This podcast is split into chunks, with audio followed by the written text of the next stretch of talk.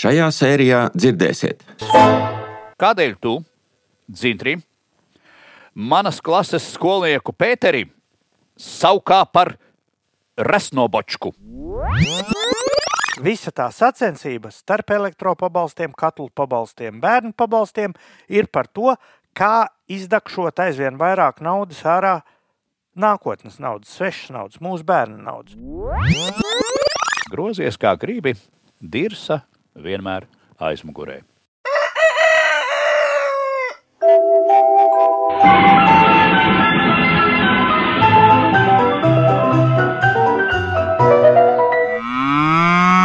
Jautājumi īsti provinces. Ja? Jā, jautājumi no provinces. Dzintris un Mārcis dzīvo laukos, bet nevar palikt vienaldzīgi pret valstī notiekošo. 34 nedēļas līdz vēlēšanām. Sveiks, Kuivižvēls! À, sveiki, sveiki šai pusē! Drusku aizsniguši, bet turamies. Pūš! Nepūš.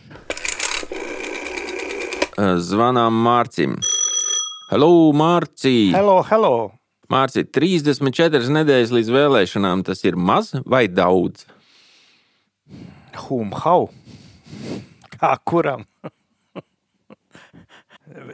Redzi, šī skaitīšana ir savā ziņā viltus ziņa, par ko var dabūt trūkties ar laiku.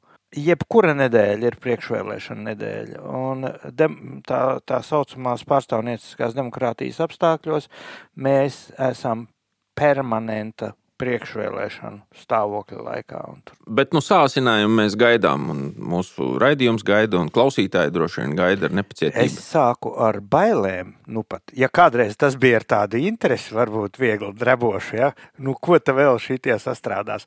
Tie, eh, kuri ir palaiduši garām eh, mūsu raidījums, eh, iet ēterā jau jaunajā gadā. Otradien, 1. februāris, sakrīt gan sveču diena, gan jauns gads pēc lunārā kalendāra, kas ir nu, tāds dabas ritmu eh, īstais sekojamais kalendārs. Mēs sākam jaunu gadu, Un līdz vēlēšanām teikt, cik nedēļas? 30, cik tur ir? Četras. Jā, tā sajūta ir, ka četras palikušas. Nu, spriežot pēc tā, kā te koks met cilvēki. Nu, varbūt izelsīsies. Varbūt viņiem aizmirsīsies, nu, ka ir vēlēšanas. Te jau arī tādi cilvēki ir, ka, nu, kas nezina, kur viņi ir un ko viņi dara, un, nu, un apjūk.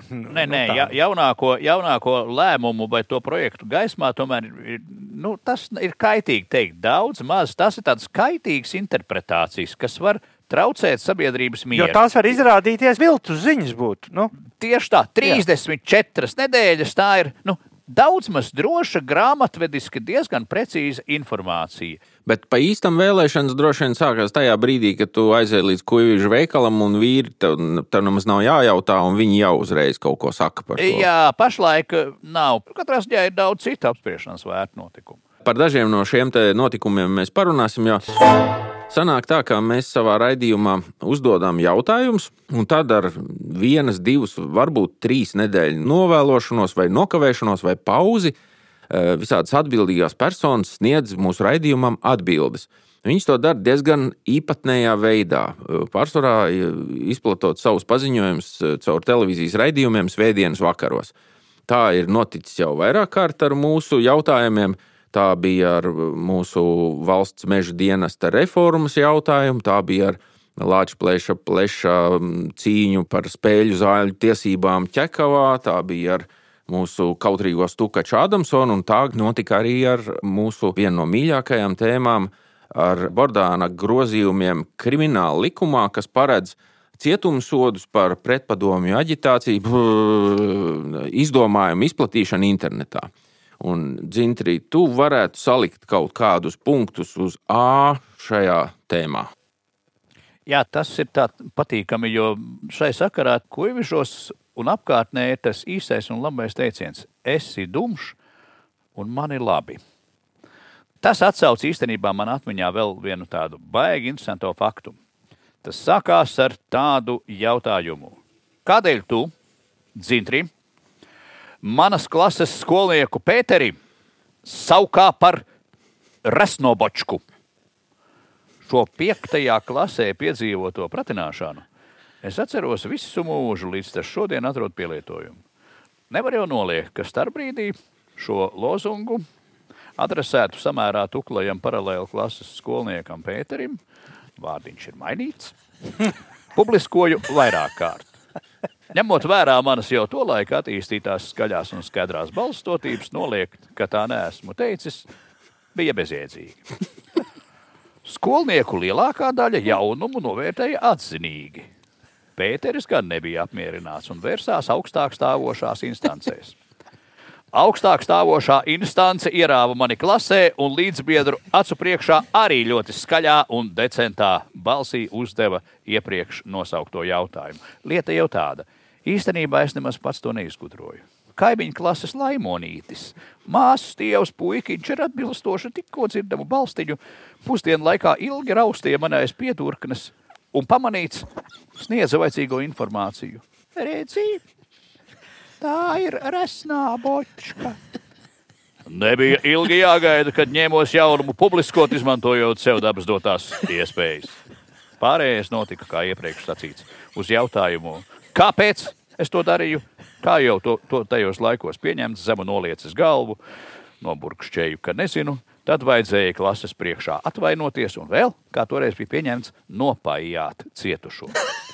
Tā kā tai klasē bija vairākas smukas meitenes, kuras būtu pajājis daudz labprātāk, tad notikušais mani dziļi morāli grāva.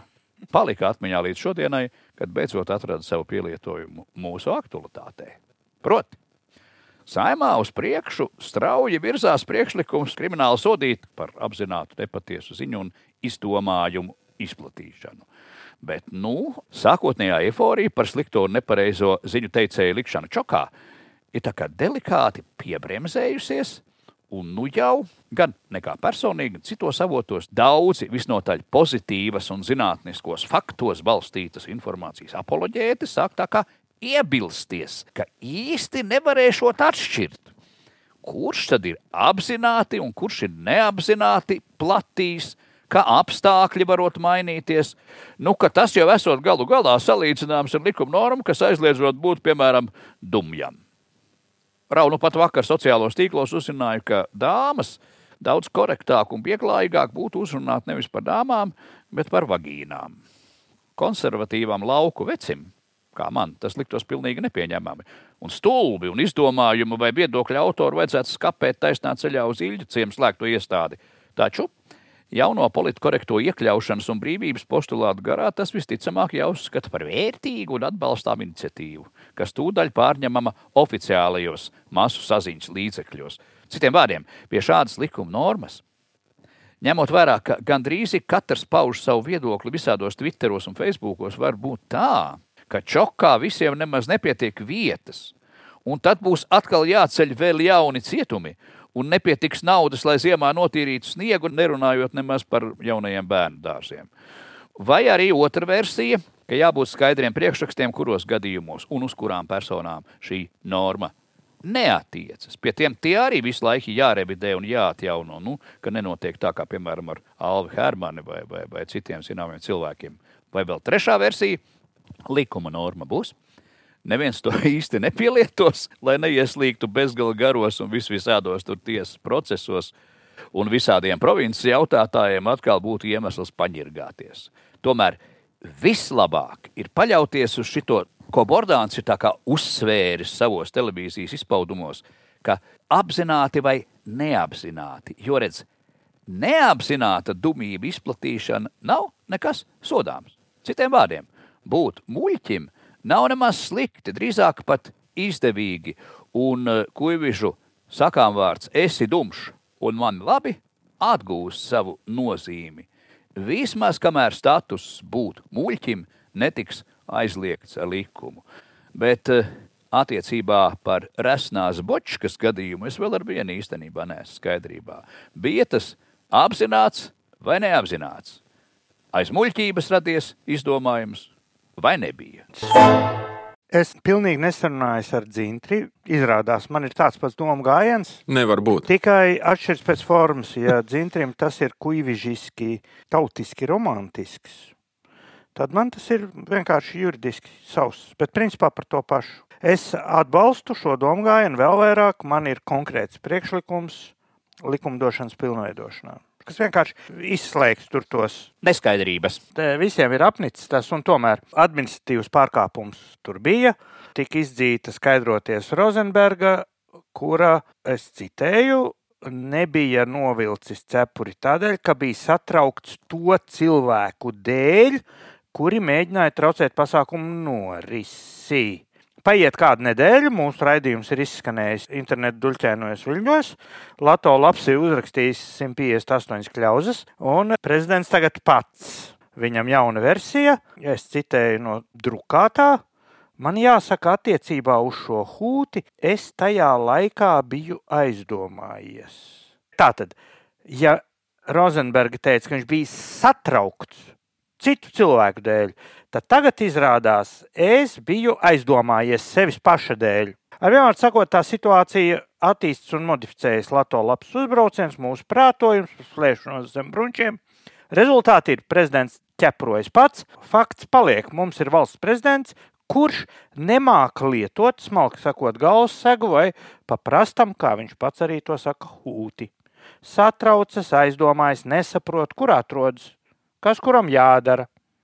Nu, un, kā jau labi zināms, nepilda skaidri noteikts likuma prasības. Bet tas ir līdzīgi kā ar Judina kungu vēlmi precizēt likumu par iespēju sēdināt cietumā neatkarīgu ziņu izplatītājus. Es arī vēlos palīdzēt mūsu sabiedrībai šajā omikroniski sarežģītajā laikā. Un nekas nav jauns. Atšķirībā no bordāna tamborēšanas mums nemaz nav jāraksta kaut kas tur grūti skaidrojams.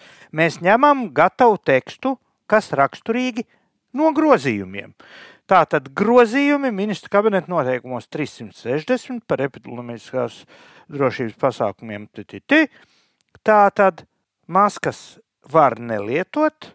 Cilvēki ar acīm redzamiem kustību traucējumiem, kas apgrūtina maskas uzlikšanu, un cilvēki ar psihiskās veselības traucējumiem, kuru dēļ trūkst spēju vai iemaņu sejas masku lietošanai. Tas ir oficiāls teksts. Tā tad pie likuma par valsts himnu 7. pantā jāpieliek klāt šis izņēmums vārdu maskas lietošana aizstāt ar hūts noņemšanu.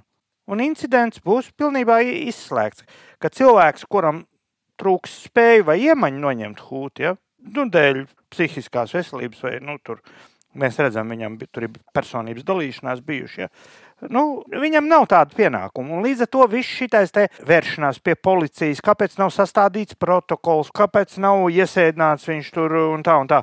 Tas viss atkristu. Vienkārši ir jāpieņem šis labojums jau pēc esoša teksta, ka, ja cilvēkam trūkst spēju vai iemaņu, tad viņš ir atbrīvots. Tas ir tieši tas, ko Dzintris savā kuģiskajā gudrībā teica. Kā, kā tu teici, esi dumšs un man labi. Ja?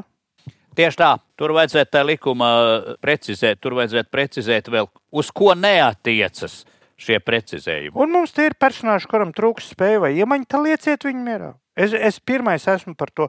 Ļaujiet Levitam strādāt! Jā, un Bordānam man ļaujiet strādāt. Tur, tur vajag vēl tajos precizējumu, precizējumos tam krimināla likumam par uh, stulbajām ziņām. Tad tur uh, būtu divas atrunas. Viena atruna ir uh, tā, ka stulbas ziņas un izdomājumus var, var izplatīt cilvēki ar psihiskiem traucējumiem. Un otrs, es tomēr uzstāju, ka vajadzētu tādu sarakstu arī ar tiem, kuri oficiāli drīkst izplatīt stulbības, muļķības, viltus ziņas ziņas un tā tālāk. Ma nu, matemātiķi teiktu, ka šīm divām kopām ir šķēlums. Proti, būs tāda, kas ietilpst abos sarakstos. Jā, tas ir šķēlums, kurš vieno īstenībā, jo jebkurš šķēlums jau vieno.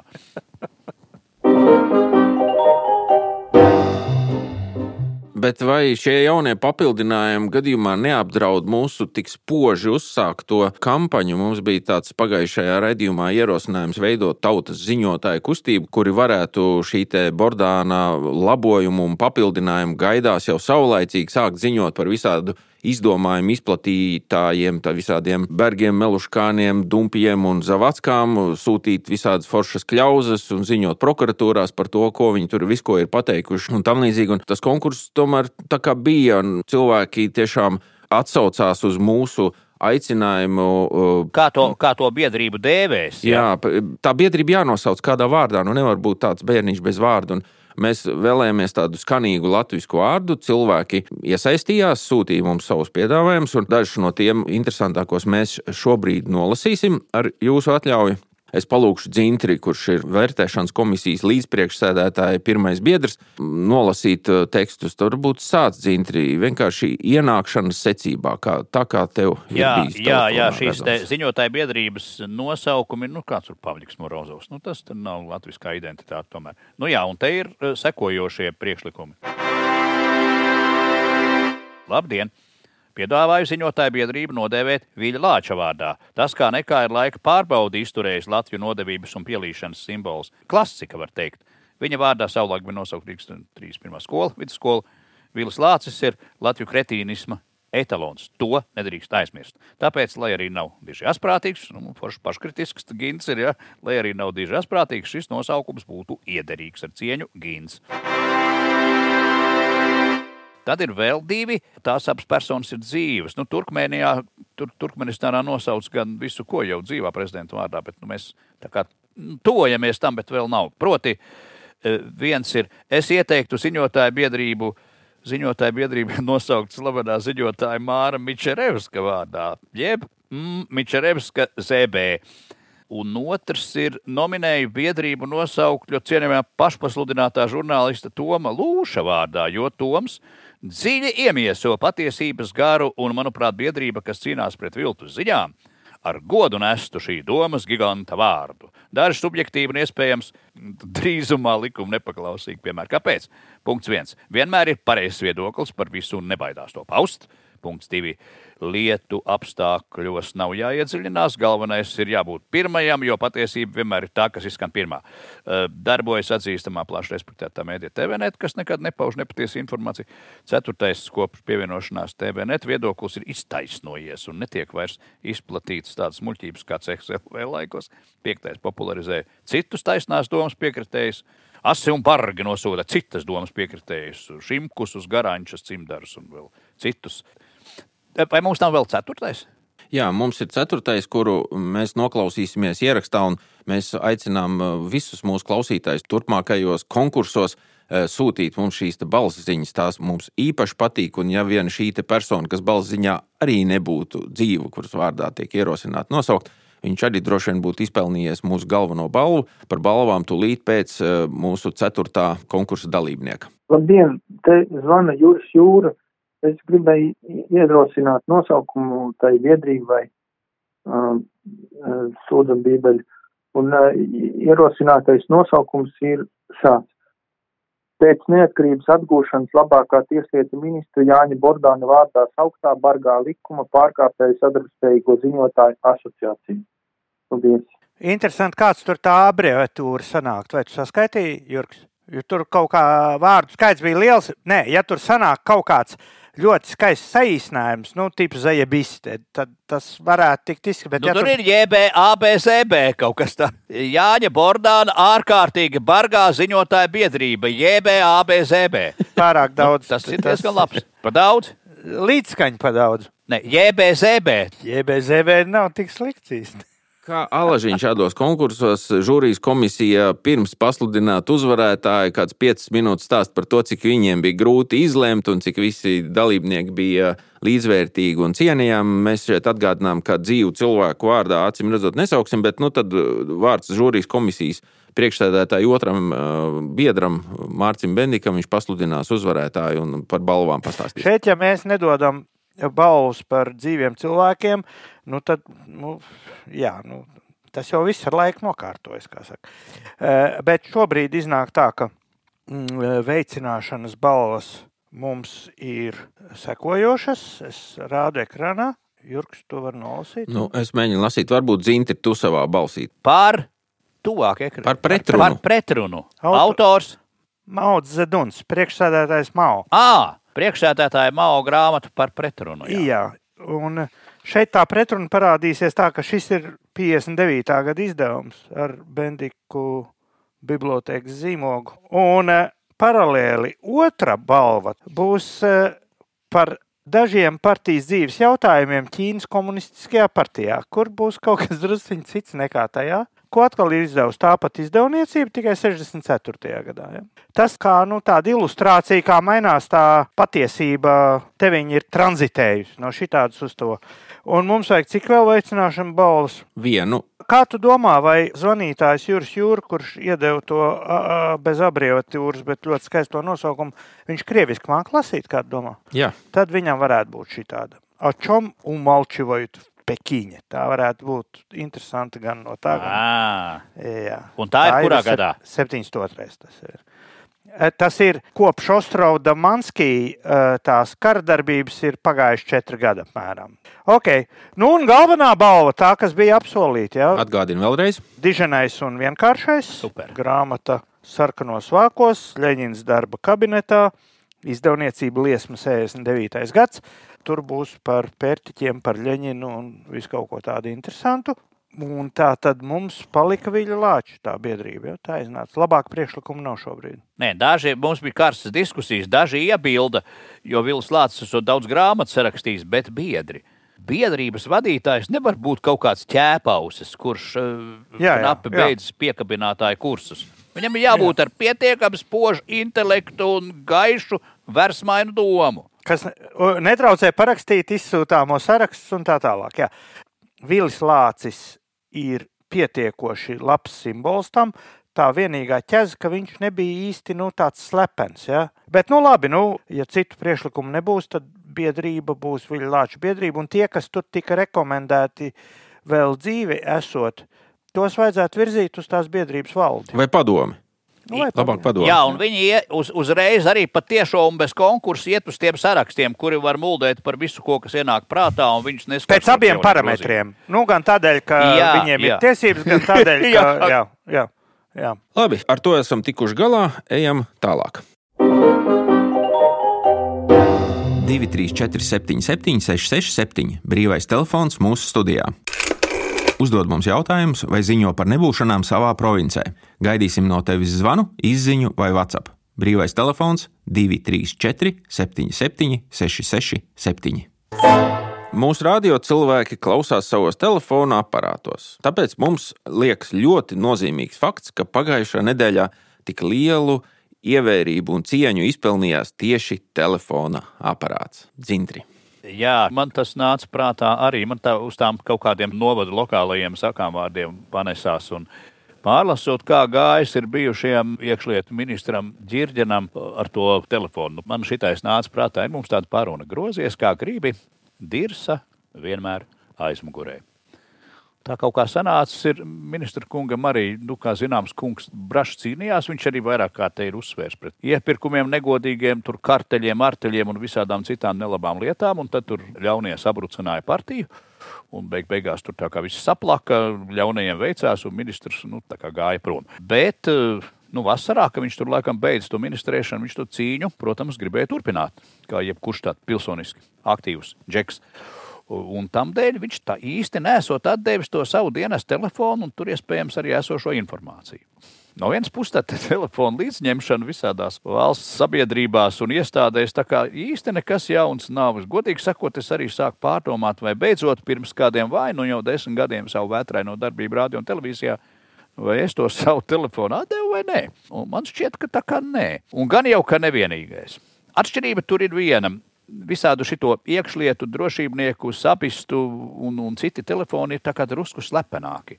Nu, nekā viena radiodirektora vai kaut kādas standarta komitejas priekšsētētāja telefoni, jo to slepeno telefonu turētāji tiesīgi darboties ar visādiem valsts noslēpumiem. Un, un kādi noslēpumu gabaliņi tur var tajos telefonos būt aizķērušies. Un tad vēl, lai nebūtu diezgan, tad viss šī putra uzgāzās virsū tai no amatpienākumiem tagad atstādinātajai iekšlietu ministrijas informācijas centra priekšniecei Lapiņai Līgai. Tur ir krimināla lieta, un kas tik tur nav par dienas telefonu iespējamu izblēdīšanu eksministra ģirģena privātajai lietošanai.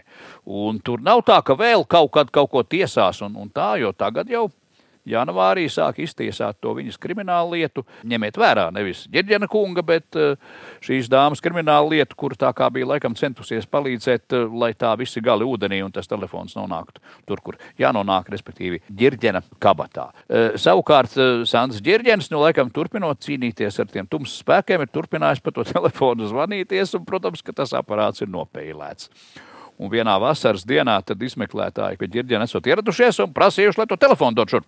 Tad viņš paziņoja, ka tā ir izkritusi no kabatas. Citiem vārdiem, telefons tā kā pazaudēts ar visiem noslēpumiem. Būtu nu labāk teicis, ka nozaguši.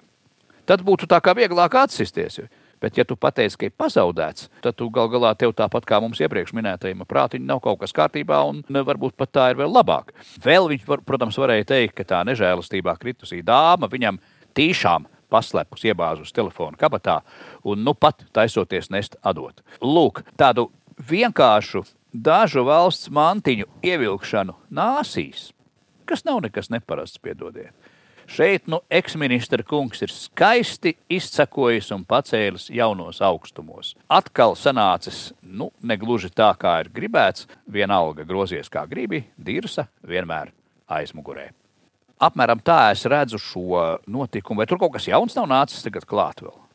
Tikai mans, mans priekšlikums nāk klāt Nu, nu. likuma grozījumos. Es visu laiku tādu esmu par grozīšanu.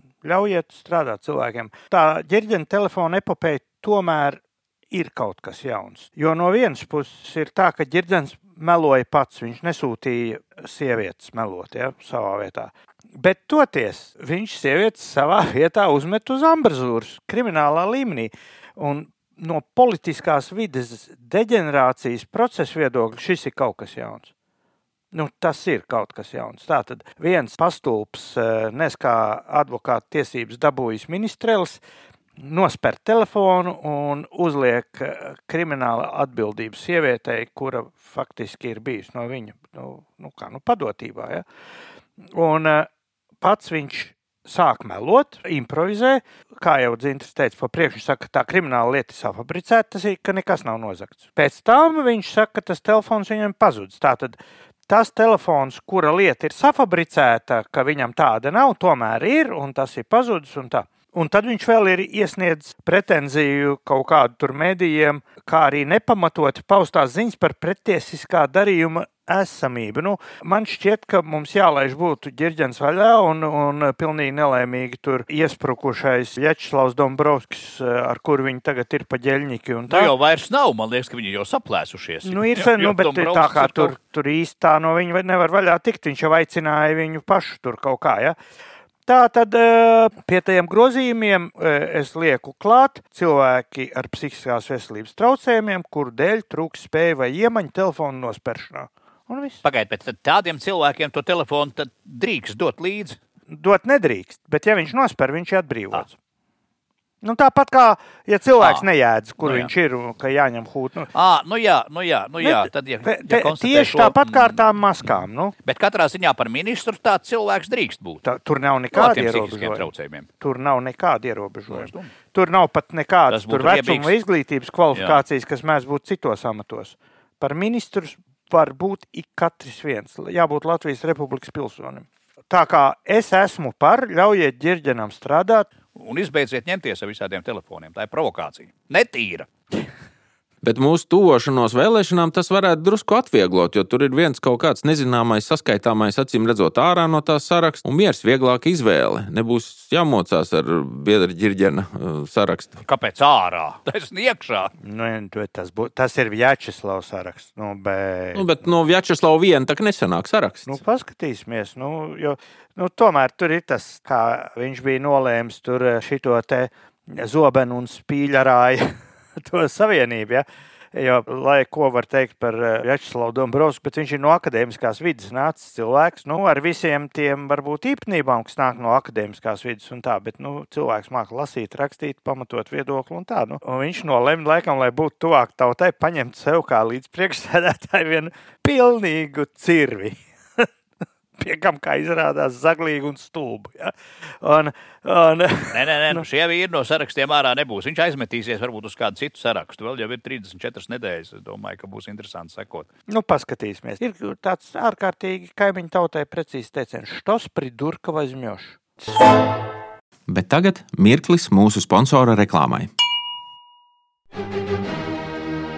Lielā Covid-19 panika Pienācis laiks apkopot domas, sakārtot pēdējo divu gadu notikumus secībā un atbildēt uz jautājumiem, kas nogāja greizi, kāpēc notika tā un kas mūs gaida nākotnē.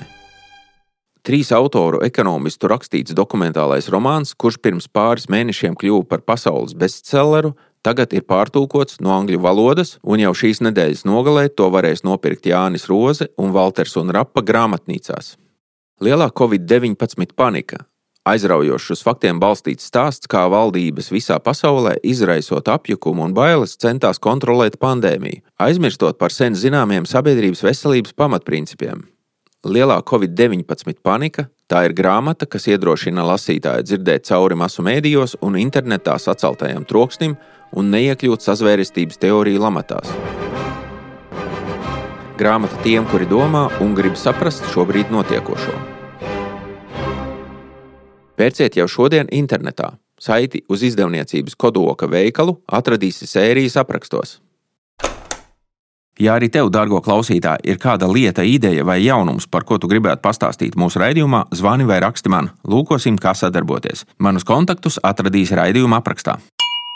Tagad atpakaļ raidījumā. Mūsu raidījuma pastāvīgajam varonim Kariņam bija tāds mīļš sakāmais par vienlaicīgām trīs krīzēm. Un šonadēļ mums vienlaicīgi notiek gan trīs krīzes, acīm redzot, gan divas vētras.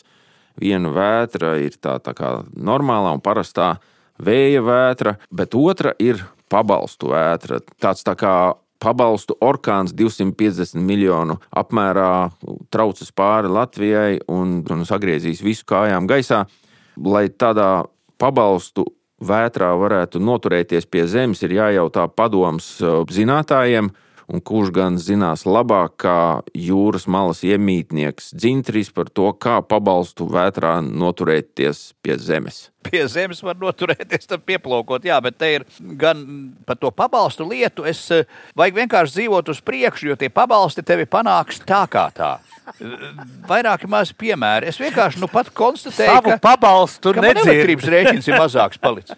Jā, savu pabalstu nedzird. Jo no visām pusēm un vairāk kārtas esmu saņēmis jau aicinājumus, vai tu esi izmantojis iespēju saņemt pabalstu tur un tur, dzirdot to vispārējo elektrības šausmu stāstu. Arī apskatījos, kas tad man tur jāmaksā, un vai man nav te jāpārdod kāds, nezinu, skapis vai zāles pļāvējs vai nu, kaut kā tā, lai izdzīvotu. Un es ar šausmām konstatēju, ka man janvāra rēķins par elektrību būs mazāks un ievērojami nekā decembrī. Par ko es kā godprātīgs pilsonis cēlu tā kā trauksmi, vai nav kaut kas nepareizi. Jo nu, vēlāk man teiks, vajadzēja zināt un ziņot uzreiz. Un izrādās, ka tas acīm redzot ir tādēļ, ka netiešā pabalstīšanas sistēma caur OIK un sadalas tarifu atsitas uh, provinces iedzīvotāju tarifos. Un jā, pie tam, ziniet, par mani nelielā Rīgas pūces vārdā, jūra pūces vārdā nosauktās ielas dzīvoklīt, man nav jāmaksā vispār, jo es jau esmu pārmaksājis. Līdz ar to man neko nedarot, savu pabalstu nedzird, viņš mani sasniedz tā kā tā. Tā ir tāda priecīga sajūta, apmēram tā kā, ziniet, nu, e, zem eglītes, bet tas ir tikai ziemas gaidīt, nu, kaut kādas dāvanas, kā atkal būs noliktas. Un tagad tas transformējas ne tikai Ziemassvētkos, bet vispār. Vismaz līdz vēlēšanām es brīdi pa brīdim paskatīšos savos rēķinos vai savos papīros. Ah, tur man pēkšņi ir ienākuši 100, lat, 100 eiro.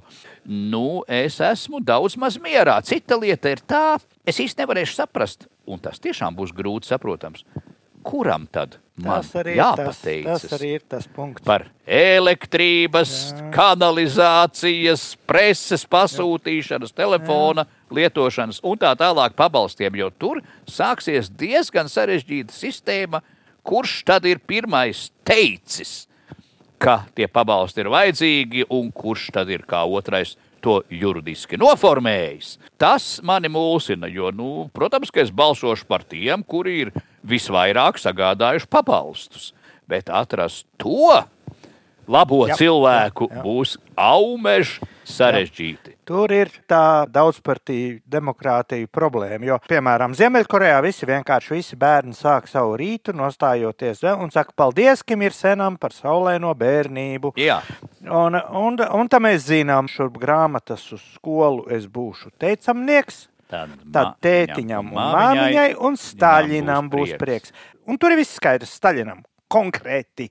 Tagad te ar tiem pabalstiem ir tie sarežģījumi, jo tev ir panācis elektropabalsts, tad nāk eh, virsū mums visādas iespējas savākt tūkstošiem naudiņu par uh, apsildes katlu maiņu, kā mēs te dzirdējām vienā televīzijas raidījumā. Klau, un tas zāļu pabalsts, par ko mēs te pantiņus gudrojām, tas, tas Nav ir dzirdēts, vēl, tas, bet tas arī nu, un tad ir vienkārši par bērniem pabalsts, bez elektrības, arī neelektriskiem bērniem. Tur, kur ir vairāk bērnu ģimenē, tur uzreiz skrien uh, trīs par skaitli. Tātad, vecos laikos, nu, Latvijas republikas atjaunotās agrīnās demokrātijas laikos, 90. gadu sākumā un vidū, bija arī tāda naiva kārtība, ka spēlēja nu, tā, to rietumu demokrātiju braukāja Latvijas ceļš un zemsavieši un LNK braukāja pa klubiem un biedrībām un solīja visu kaut ko. Mēs darīsim to, to, to, to, to, un ja jūs par mums nobalsosiet, jums tur būs tas un tas. Nu, šie solīja, tie tur balsoja, beigās Zīgris dabūja 14 vietas. Nu, tur, kā saka, dažādi tie rezultāti bija. Bet, jebkurā gadījumā, viņi nevis tev meta pakaļ naudu, bet teica, ka pie gadījuma, ja kas tad mēs tur iestāsimies NATO, iestāsimies Eiropā, un tā tik tur būs. Šī gadsimta sākumā, pirms gadiem 20, parādās tāda jau ciniskāka pieeja. Tie vēlētāji un biedrības uzreiz prasa partijām to un to. Samaksājiet mums tur par tiltiņu, vai samaksājiet mums par kora tērpiem, vai braucienu tur uz eh, Čurkestānu vai ko. Nu, un tad mēs par jums varbūt nobalsosim. Ja tad, ja tad, bet otrādā secībā. Bet, ja pirmajā gadījumā, man piemēram, mēs runājam par visnotaļ normālu politisku procesu, nu, vēlētāju atbalstu iegūšanu caur programmatisku pasākumu pievilcību. Otrajā partijas dala savu naudu. Tur partiju štābiem rakstīja vēstules, mums tur to un to lūdzu, nu, tā kā uz ziedotājiem vai kādiem, un partiju valdes to izskatīja un piešķīra no savas naudas. Tātad tie solītāji Latvijas ceļš un tie, tie solīja no nākotnes kaut kādas naudas, šitie maksāja no savas naudas. Vai tagad ar milzu cinisku bezskaunību tiek dakšota ārā mūsu bērnu un mazbērnu nauda. Jo visi tie miljoni, tie 250, ko Jurks nosauc, vai kaut vai tie 20 vai 30, kas ir iekrituši dzintri, kā sakot, eh, grūtā zvejnieka likteņa appūstajā naudas kontā, ja, viņi jau nāk no aizņemtas naudas. Un tā nauda būs jāatdod. Jāatdod būs bērniem, mazbērniem. Ne, neviens cits atdevējs tur nav redzams. Ja? Un neprogrammātiski, un ne kaut kā privāti savākt līdzekļi. Visa tā sacensība starp elektropabalstiem, katlu pabalstiem, bērnu pabalstiem ir par to, kā izdakšot aizvien vairāk naudas ārā nākotnes naudas, svešas naudas, mūsu bērnu naudas.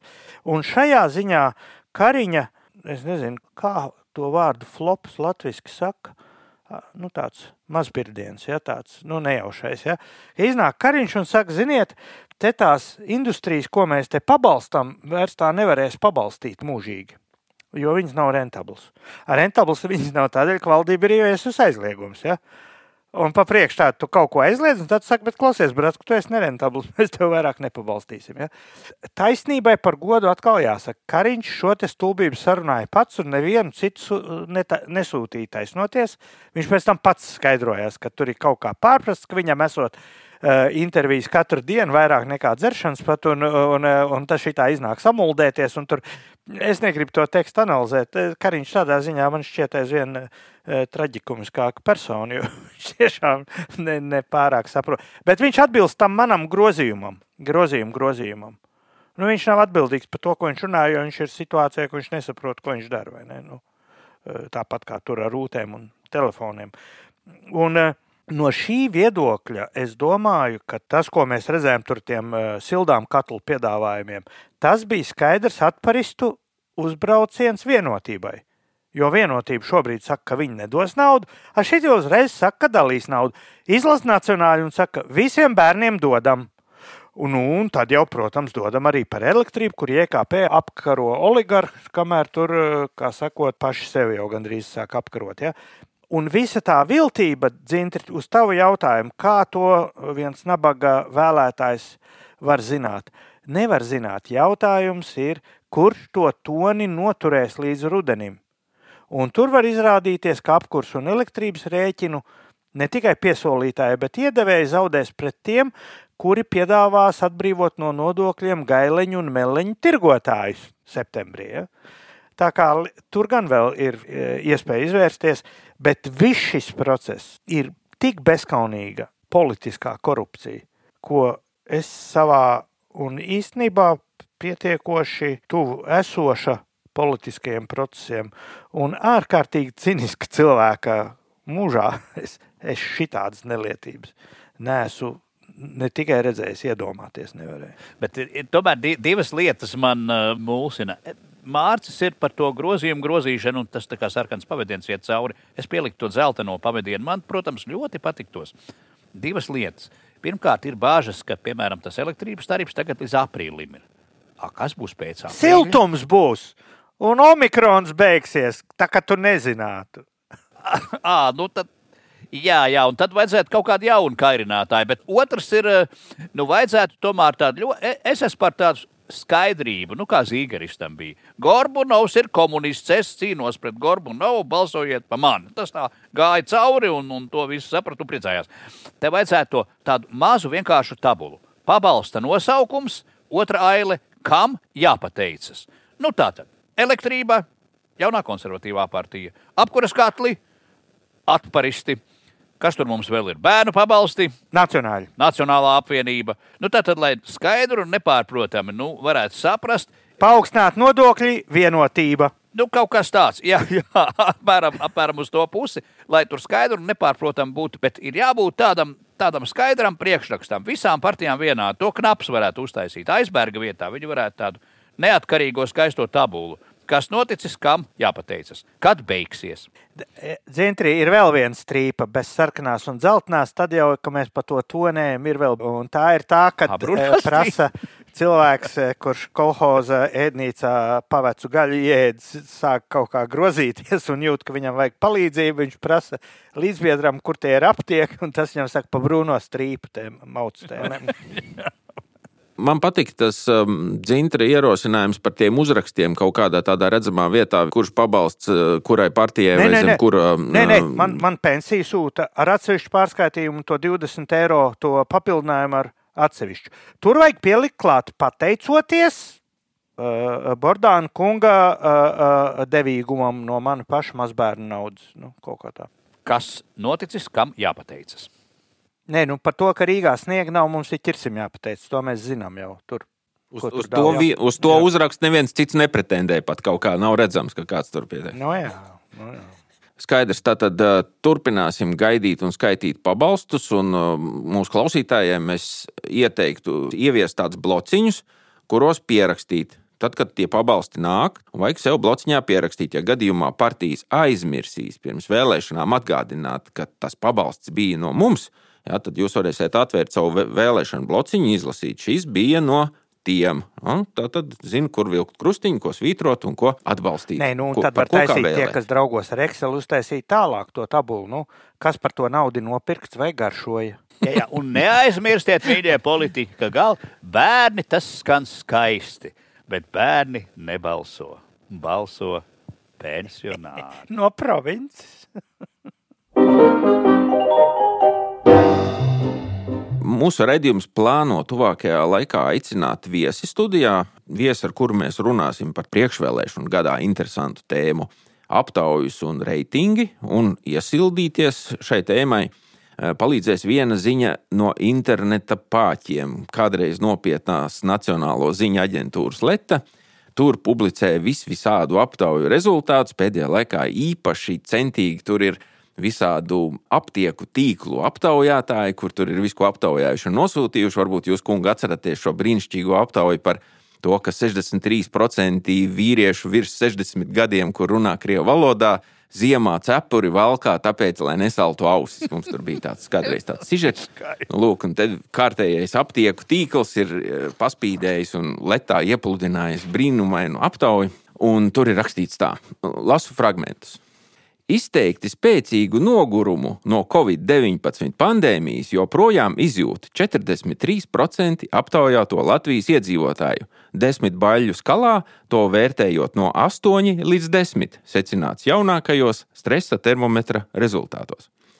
Salīdzinot datus gada griezumā, secināts, ka to iedzīvotāju īpatsvars, kuri izjūt izteikti spēcīgu nogurumu no Covid-19, šobrīd ir par vienu procentu punktu lielāks nekā 2021. gada janvārī.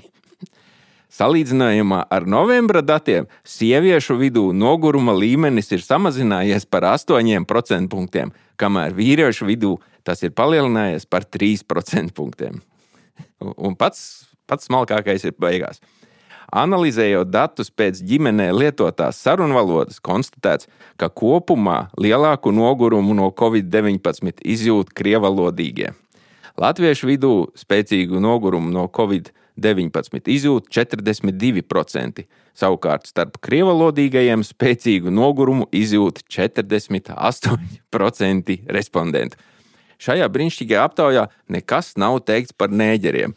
Kam, nu, ja tā aptauja būtu taisīta vēl vienu nedēļu vēlāk, tur noteikti kaut kas par to būtu pateikts tā kā tur nekas par neģeriem nav teikts, tad mēs gaidām aptaujas turpinājumu. Turpināsim par šādām brīnumainām, vērtīgām aptaujām informēt eh, jūs, mūsu klausītāji, un šodien ar to arī atvadāmies. Laimīgi jauno gadu! Turās, turās! Laimīgi jauno gadu!